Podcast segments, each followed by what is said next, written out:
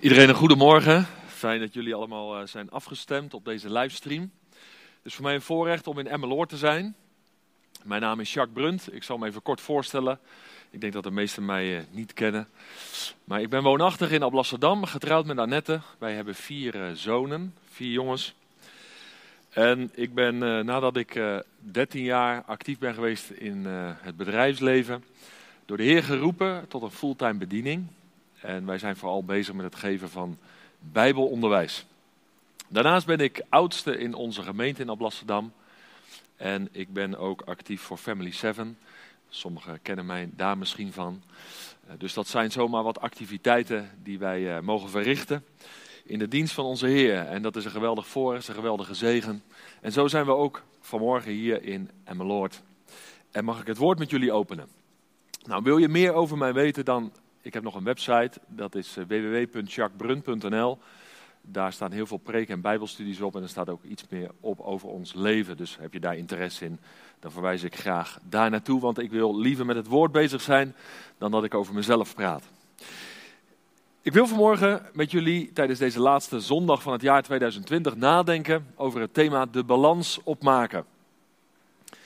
Misschien heb je dat al gedaan, misschien nog niet. Ik weet het niet. Persoonlijk, als gezin, maar misschien ben je wel een ondernemer en heb je de balans al opgemaakt.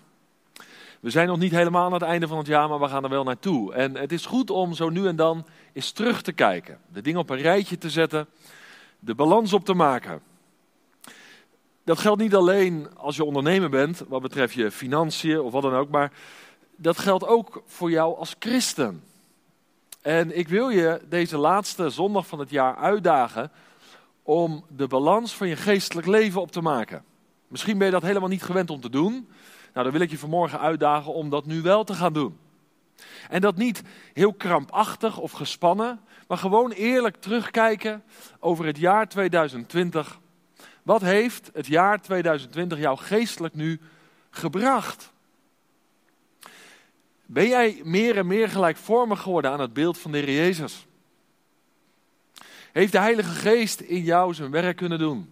Nou, allerlei vragen. Ik wil er vanmorgen iets over delen. En als uitgangspunt een gedeelte nemen uit de tweede Petrusbrief. En daarom wil ik een aantal versen daaruit lezen. 2 Petrus 1. We lezen daarvan vers 3 tot en met vers 15. Vers 3 tot en met vers 15. En ik ben gewoon om te lezen uit de herziende statenvertaling. En daar lezen we het volgende. 2 Petrus 1 vers 3. Immers, zijn goddelijke kracht heeft ons alles geschonken. Daar moet je een streep onder zetten, onder dat woord alles. Wat tot het leven en de godsvrucht behoort.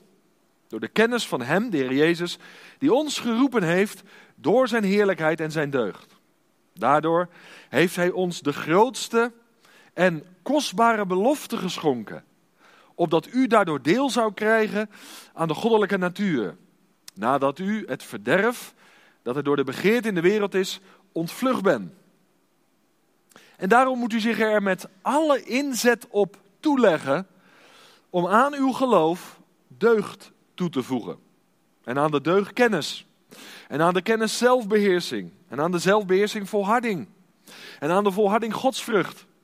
En aan de godsvrucht broederliefde. En aan de broederliefde liefde voor iedereen. Want als deze dingen bij u zijn, aanwezig zijn en toenemen, zullen ze u niet doelloos en onvruchtbaar laten wat de kennis van onze Heer Jezus Christus betreft. Immers, bij wie deze dingen niet aanwezig zijn, die is blind en kortzichtig, omdat hij de reiniging van zijn vroegere zonde vergeten is. Daarom, broeders, beijver u des te meer om uw roeping en verkiezing vast te maken. Want als u dat doet, zult u nooit meer struikelen. Want zo zal u in rijke mate de toegang worden verleend tot het eeuwig koninkrijk van onze Heer en zaligmaker Jezus Christus. Daarom zal ik niet nalaten u altijd aan deze dingen te herinneren. Hoewel u ze weet en in de waarheid die bij u is versterkt bent. En ik acht het juist, zolang ik in deze tent ben, u op te wekken door de herinnering hieraan omdat ik weet dat het afbreken van mijn tent nu snel zal plaatsvinden. zoals onze Heer Jezus Christus mij ook duidelijk heeft gemaakt. Maar ik zal mij ook voortdurend beijveren dat u na mij heen gaan deze dingen in gedachten blijft houden. Een prachtig gedeelte, 2 Petrus 1.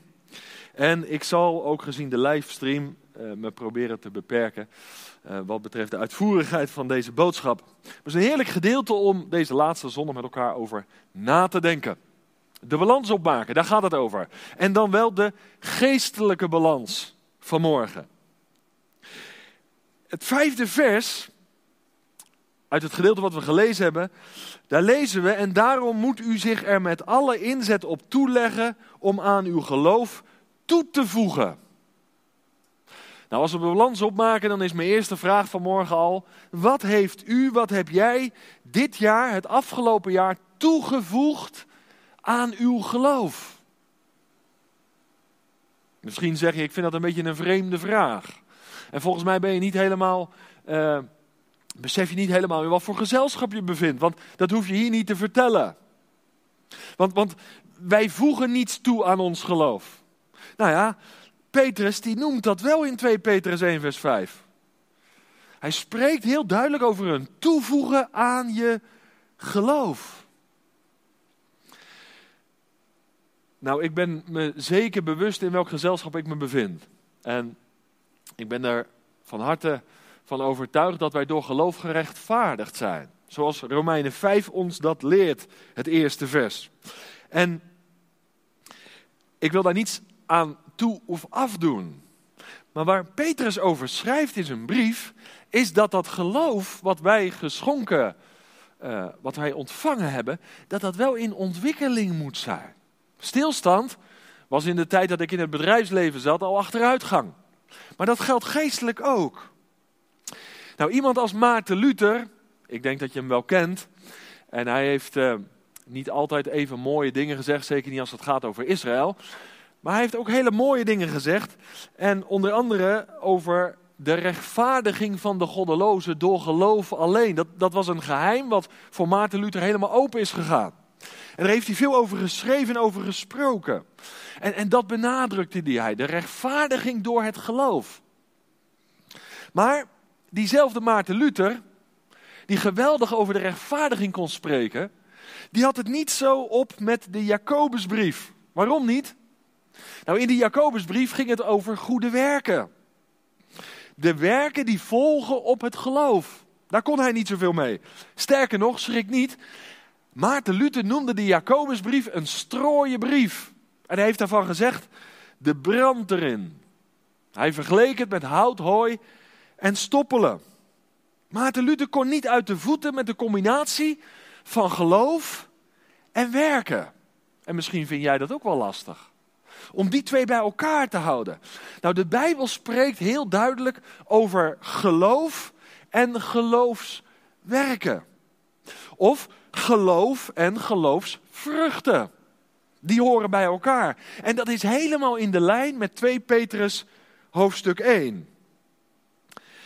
Nou, er is een verschil tussen vruchten en tussen werken. In de voorbereiding las ik het volgende. Kijk, een machine kan werken, maar een machine brengt geen vrucht voort. Een machine kan werken, maar het is het leven dat vrucht voortbrengt. Dat is een belangrijk verschil. Een wet kan tot werken dwingen, maar het is de liefde daarentegen die spontane vruchten voortbrengt. Nou, dat is een verschil tussen werken en vruchten. Nu spreekt de Bijbel ook over een verband tussen die twee, tussen werken en vruchten. Laat ik een tekst voorlezen uit Colossense 1, het negende vers. Daar staat: Daarom houden wij ook niet op vanaf de dag dat wij het gehoord hebben, voor u te bidden en te smeken dat u vervuld mag worden met de kennis van zijn wil, van Gods wil, in alle wijsheid en geestelijk inzicht. Dan komt hij. Zodat u, Colossense 1 vers 10, wandelt op een wijze de Heere waardig. Hem in alles behaagt, in elk goed werk vrucht draagt en groeit in de kennis van God. Nou heb ik eerst een verschil genoemd tussen werken en vruchten. Paulus noemt in Colossense 1, vers 10 een verband daartussen. Want hij zegt, die goede werken als vrucht van de inwonende geest zijn buitengewoon kostbaar voor de Heere God. Dus goede werken als vrucht, als gevolg van de inwoning van de geest in jou en mijn hart. En, en die werken, die vruchten, die houden verband met elkaar, die zijn voor God kostbaar, aangenaam. En ik spreek op heel veel plaatsen in ons land en daarbuiten. En ik merk dat heel veel christenen onrustig worden als je spreekt over geloof en werken. Als je spreekt over geloof en vruchten. En ik denk persoonlijk dat een van de redenen daarvan is dat wij Grieks denken in plaats van Hebreeuws denken. Ik ga dat niet uitvoerig behandelen. Maar het kenmerk van het Hebreeuwse denken is. Het gaat altijd om het horen en om het doen van het woord van God. Begrijpen is in eerste instantie niet zo belangrijk. Dus in het Hebreeuwse denken gaat het om horen en doen. Horen en gehoorzamen. En of je het begrijpt, daar gaat het even niet om. Dat is kenmerkend voor het Hebreeuwse denken. Nou, het Griekse denken, daarbij gaat het vooral om het begrijpen van het woord van God. Want pas dan kan het juist worden toegepast. Nou, ik geloof dat we bij dat eerste moeten zijn. Horen en gehoorzamen. Dat zijn twee kanten van dezelfde medaille. Geloof en geloofswerken, vruchten, die horen bij elkaar. Dat is één en hetzelfde. En dan moet je dit goed onthouden. En dan gaan we naar Petrus, 2 Petrus 1. Nu moet je dit goed onthouden. Wij zijn gerechtvaardigd door geloof. Dus wij kunnen God weer recht in de ogen kijken door het geloof in de Heer Jezus Christus. Maar wij brengen werken voort als bewijs van onze rechtvaardiging. Dus wij worden niet door werken gerechtvaardigd. Maar de werken openbaren bewijzen onze rechtvaardiging. En daarom, geloof en werken, geloof en vruchten, die horen bij elkaar. Nou, het hoge woord is eruit. Dan gaan we naar 2 Petrus 1 toe. En wat lezen we dan in 2 Petrus 1? Het eerste vers, het tweede gedeelte daarvan. Aan hen die een even kostbaar geloof ontvangen hebben als wij. Door de gerechtigheid van onze God en zaligmaker Jezus Christus. En dan vers 3. Immers zijn goddelijke kracht heeft ons alles geschonken wat tot het leven en de godsvrucht behoort. Door de kennis van Hem die ons geroepen heeft, door Zijn heerlijkheid en door Zijn deugd. Daardoor heeft Hij ons de grootste en kostbare belofte geschonken, opdat u daardoor deel zou krijgen aan de goddelijke natuur. Nou, een hele opsomming. Waar ik naartoe wil, voordat ik naar de toevoegingen ga aan het geloof, is dit. Een christen is de meest begenadigde persoon. De meest rijke persoon op deze wereld. En dit moet je goed onthouden, want anders raak je in de kramp. Als de Heere God ons ergens toe oproept, in dit geval aan het einde van het jaar, de balans opmaken, wat heb je toegevoegd aan je geloof, dan moet je dit goed onthouden. Voordat Hij ons oproept om toe te voegen aan ons geloof, rust Hij ons eerst toe om toe te kunnen voegen. En dat lazen we in die versen die ik zojuist voorlas. Wat lazen we? We hebben het geloof ontvangen. Goddelijke kracht is ons geschonken. De geest van God is in ons komen wonen. En God heeft ons geroepen uit de duisternis tot zijn wonderbaar licht. Maar alsof het nog niet genoeg is, daarnaast, schrijft Petrus, hebben wij de grootste en kostbare beloften ontvangen. Nou, misschien zeg je nou in de huiskamer wel even hardop amen. Halleluja, prijs de Heer daarvoor. We hebben de belofte van God ontvangen. Die in Christus Jezus ja en amen zijn. Het is een geweldig iets. Wij leven uit de belofte van God. Een oude lied zegt, staande op de belofte van mijn Heer en God, ga ik moedig voorwaarts, onder hoon en spot. Maar, er staat nog meer. Daarnaast, naast al die dingen die ik zojuist heb opgenoemd, staat er ook nog, dat wij het verderf van de wereld zijn ontvlucht en delen in de goddelijke natuur. Ook dat is geschonken.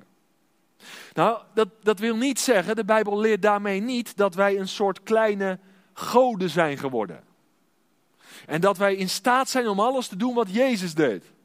Nee, de Bijbel leert daarmee dat er karaktertrekken zijn, eigenschappen van de Heere God, die de gelovigen deelachtig worden. Neem bijvoorbeeld Galaten 5, vers 22. De vrucht van de geest. Die bestaat uit liefde, blijdschap, vrede, geduld, vriendelijkheid, goedheid, geloof, zachtmoedigheid, zelfbeheersing. Nou, dat zijn allemaal eigenschappen van de Heere God. Waar Hij ons in laat delen, waarin je mag groeien, die kunnen toenemen in jouw leven. Dat is toch geweldig? Wat we allemaal geschonken hebben gekregen. Geloof, goddelijke kracht. We zijn geroepen. We hebben de grootste en kostbare belofte ontvangen. We zijn ontrukt aan het verderf van de wereld. We zijn daaraan ontvlucht. En we delen in de goddelijke natuur. Nou ja, ik, ik ga er vanochtend even vanuit dat dat voor jou, voor u geldt. Maar, dat is geen vanzelfsprekendheid hoor. Je moet dat wel 100% zeker weten, want anders gaat deze boodschap over je hoofd heen misschien. Ik hoop dat je aan het einde van het jaar 100% zeker weet dat je behouden bent, dat je gered bent. Door het geloof in de Heer Jezus Christus. Als dat zo is, als je tot geloof en wedergeboorte bent gekomen, dan mag ik je vanmorgen op grond van de Bijbel zeggen, deze geschenken zijn ook jou, zijn ook u geschonken. En waarom benadruk ik dit? Nou, om het volgende te kunnen uitleggen. Wij hebben dit alles nodig om godvruchtig te kunnen leven. Om aan onze roeping in deze wereld te kunnen voldoen, hadden we het nodig, hebben we het nodig, dat God al deze cadeaus aan ons zou schenken. En dat is belangrijk om nu naar vers 5 te gaan. En ik probeer het wat op te bouwen. Want anders ga je natuurlijk na de boodschap zeggen: Ja, maar wie ben ik, Jacques, dat ik hieraan kan voldoen? Wie ben ik om de balans op te maken en, en mezelf de vraag te stellen: Wat heb ik toegevoegd aan mijn geloof? Nou ja, als je deelt in deze geschenken, dan ben je in staat om het leven te leven wat God van je vraagt vandaag in deze tijd, in de eindtijd. En dan komen we bij vers 5. Wat staat daar? En daarom moet u zich er met alle inzet op toeleggen om aan uw geloof toe te voegen. En daarom. Waarom? Nou, op grond van alles wat de gelovige geschonken is. Daarom. Op grond daarvan roept God jou en mij op om vandaag toe te voegen aan ons geloof. En dat heeft alles te maken met die innerlijke verandering naar het beeld van de Heer Jezus. En dit vind ik zo'n heerlijk gedeelte. Daarom. En dan worden er in vers 5 tot 7, en daar gaat het mij vanochtend om, zeven toevoegingen genoemd aan het geloof. En laat ik het maar direct erbij zeggen. Komen die toevoegingen je aanwaaien? Gaat het allemaal vanzelf? Hoef je daar nagenoeg niets voor te doen? Nee, in tegendeel. Want wat zegt Petrus? Heel duidelijk. Je moet je er met alle inzet op toeleggen. Ja, we hebben het net in het lied gehoord. Genade, dat is een geschenk. Tot geloof komen, behouden worden. Dat is genade van God, dat is een geschenk van God. Maar hem volgen, discipelschap, dat kost je eigen leven. En ik hoop dat je daar ook amen op zegt. Tot geloof komen is gratis. Pure genade. Maar het leven met hem, het leven als een discipel, discipelschap kost jezelf. En misschien ben je daar ook wel achter gekomen dit jaar. Het kost me alles. Maar het is ook meer dan de moeite waard. Ik mag nu twintig jaar de Heer kennen, maar ik zou niet meer terug willen naar mijn eertijds. Dit leven is het leven waard. En daarom zegt Petrus, leg je erop toe, span je in, beijver je. Dat, dat kost iets. Het, het, het gaat over algehele overgave. Toewijding aan de Allerhoogste God. En ik hoop dat je hart brandt, zoals de Emmausgangers. Die hadden een brandend hart voor de Heer Jezus en de toewijding aan Hem. In het Grieks staat ervoor dat woord toeleggen met alle inzet. Dat heeft alles te maken met toewijding, met overgave, met inspanning. En wat staat daar tegenover? Ja, daar tegenover staat geestelijke luiheid. Ik heb vorige week in onze gemeente gesproken over het boek Spreuken. Ga tot de mier, gij luiaard, en word wijs. Nou, die mieren die verzamelen op de juiste momenten, op de juiste tijd, om in de wintertijd voldoende voorraad te hebben. En, en geestelijke luiheid is vreselijk. Ook vandaag in de christenheid. Er is veel lauwheid, veel ingezonkenheid. Maar het gaat erom dat wij wegblijven van die geestelijke luiheid. En de Heer roept jou en mij juist op om ons in te spannen, om ons te beijveren. En dat is niet een moeten, maar, maar we hebben deel gekregen aan de goddelijke natuur. Ik heb een nieuwe wil gekregen. De geest van God woont in mijn hart. En daarom is er ook een intens verlangen. Ja, ik ben tot geloof gekomen, maar ik wil ook als een gelovige leven. Ik, ik wil niet in de, in de kinderschoenen blijven staan, maar ik wil opwassen in genade en kennis. Ik wil aan het einde van het jaar de balans op kunnen maken en kunnen zeggen, Heere God. Oh, misschien zeg je het niet van jezelf. Maar dat een ander tegen je zegt, wat ben jij geestelijk gegroeid. Als ik jou vergelijk met begin van het jaar, was je zo opstandig of op jezelf gericht, eerzuchtig, zelfzuchtig. Maar, maar er is iets van Jezus in je openbaar gekomen. Dat is toch een mooi compliment? En een geweldig getuigenis naar buiten toe. Nou, ik ga naar de toevoegingen toe. En daarom zeg ik ook vanmorgen tegen je, span je even in, hè, om hier naar te luisteren. Ik ga daar kort doorheen. Zeven toevoegingen.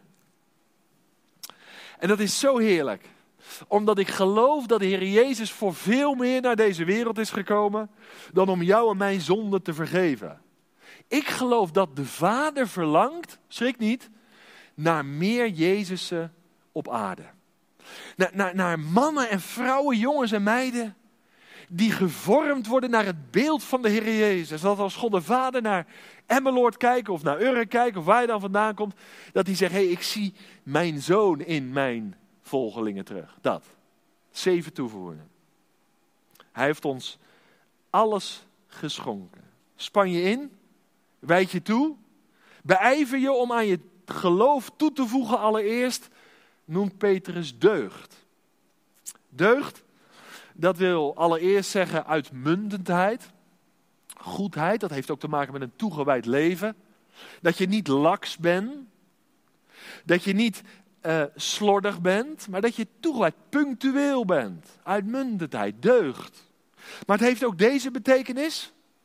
Dat je mag groeien in geestelijke kracht, in moed, in dapperheid.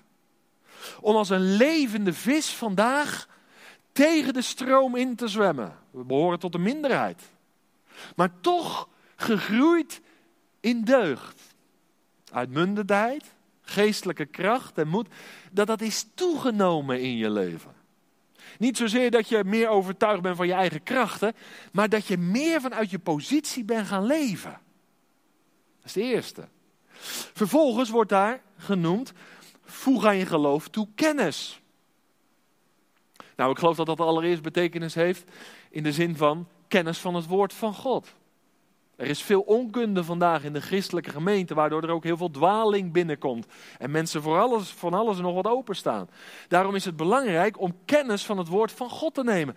Nou ja, hoeveel dienst heb je niet bijgewoond dit jaar? Kennis vermeerderd, als je de balans opmaakt. Heb je zelf je Bijbeltje bestudeerd? Dus dat je het niet alleen uit de tweede hand ontvangt, zoals vanmorgen, maar dat je leert leven uit de eerste hand. Maar kennis wil ook zeggen, en daar gaat het vooral om, dat er een verdieping is gekomen in de relatie met God. Bevindelijke kennis, kennis vanuit relatie. Dat je het vaderhart van God dit jaar dieper hebt leren kennen. Nou, en hoe leer je dat dieper kennen? Door te kijken naar de Heer Jezus. Wie mij gezien heeft, die heeft de Vader gezien. Door zijn leven te bestuderen. Maak de balans op. Ben je daarin gegroeid? Het derde wat genoemd wordt is zelfbeheersing. Nou, dat is ook een aspect van de vrucht van de Heilige Geest. Ben je daarin gegroeid? Als je de balans opmaakt aan het einde van het jaar, kan je jezelf in controle houden? Of ben je nog steeds een ongeleid projectiel? En moet je omgeving het maar doen met zoals jij beweegt en denkt en doet? Of zeg je nee, Jacques, ik heb dit jaar iets geleerd van zelfbeheersing. Dat is toch iets geweldigs? Dan worden huwelijken weer aangenaam.